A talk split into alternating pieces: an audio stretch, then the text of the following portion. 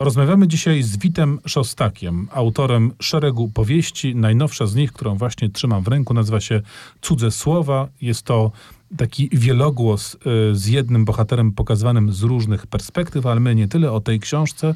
Rozmawiać z Witem dziś będziemy tylko o tym, jakie książki towarzyszyły mu podczas pisania albo, jak rozumiem, po pisaniu. Cześć, Wicie. Podczas pisania rzadko coś czytam, dlatego że pisanie jest dla mnie tak intensywnym procesem, że każde czytanie mnie rozprasza, więc jakby nie sięgam do książek, bo i tak je odkładam po, po kilku zdaniach.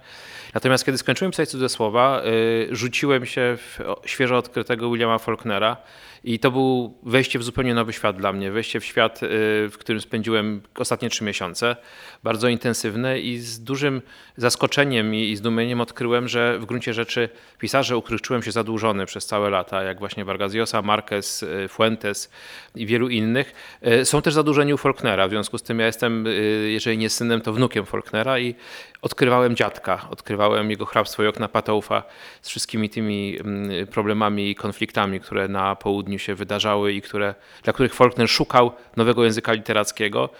I to było olśniewające i orzeźwiające dla mnie doświadczenie. Rozumiem, że doświadczenie nie do końca e, nowe, bo to zapożyczone obcowanie z Faulknerem jakoś wcześniej w Twoim e, e, życiu było. Czy to miało taki charakter właśnie spotkania z dawno niewidzianym dobrym przyjacielem, czy jednak był w tym powiew jakiegoś kompletnego i totalnego nowego odkrycia? To było przede wszystkim duże uderzenie nowości, to znaczy wielkie uderzenie nowości i też ciągłe zaskoczenie tym, że gdzieś przez całe dwadzieścia kilka lat mojego świadomego czytania y, prozy y, udało mi się tego Faulknera jakoś omijać, prawda? Więc jakby to było odkrycie po prostu wszechświata, jakby nagle odkrył nowy kontynent.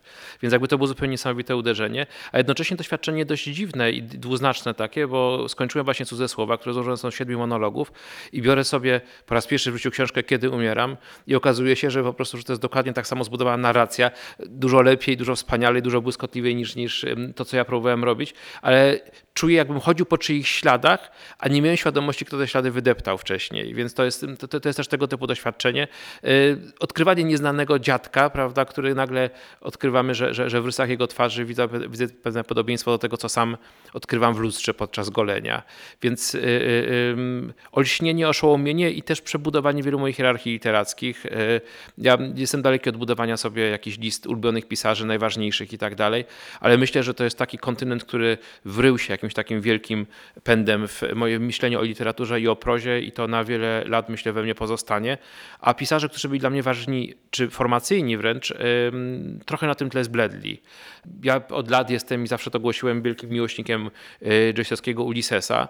Przy Faulknerze mam poczucie, że, że, że eksperymenty Joyce'a są y, do pewnego stopnia puste. Znaczy Joyce rozwija pawi ogon i mówi, zobaczcie jak ja potrafię pisać, a Faulkner, który eksperymentuje w równym stopniu, e, widać, że za każdym razem on szuka nowego języka do opowiadania swojego świata i do wypowiedzenia rzeczywistości. To znaczy, to nie są eksperymenty dla samych eksperymentów, nie są to wprawki warsztatowe czy ćwiczenia, tylko to jest jakby zawsze podporządkowane temu, chcę opowiedzieć, chcę poszerzyć pole możliwości opowiadania. Tu zróbmy chwilową przerwę, ale pozostańmy w klimacie amerykańskiego południa. Zaśpiewa Billie Holiday do kompozycji George'a Gershwina The Man I Love.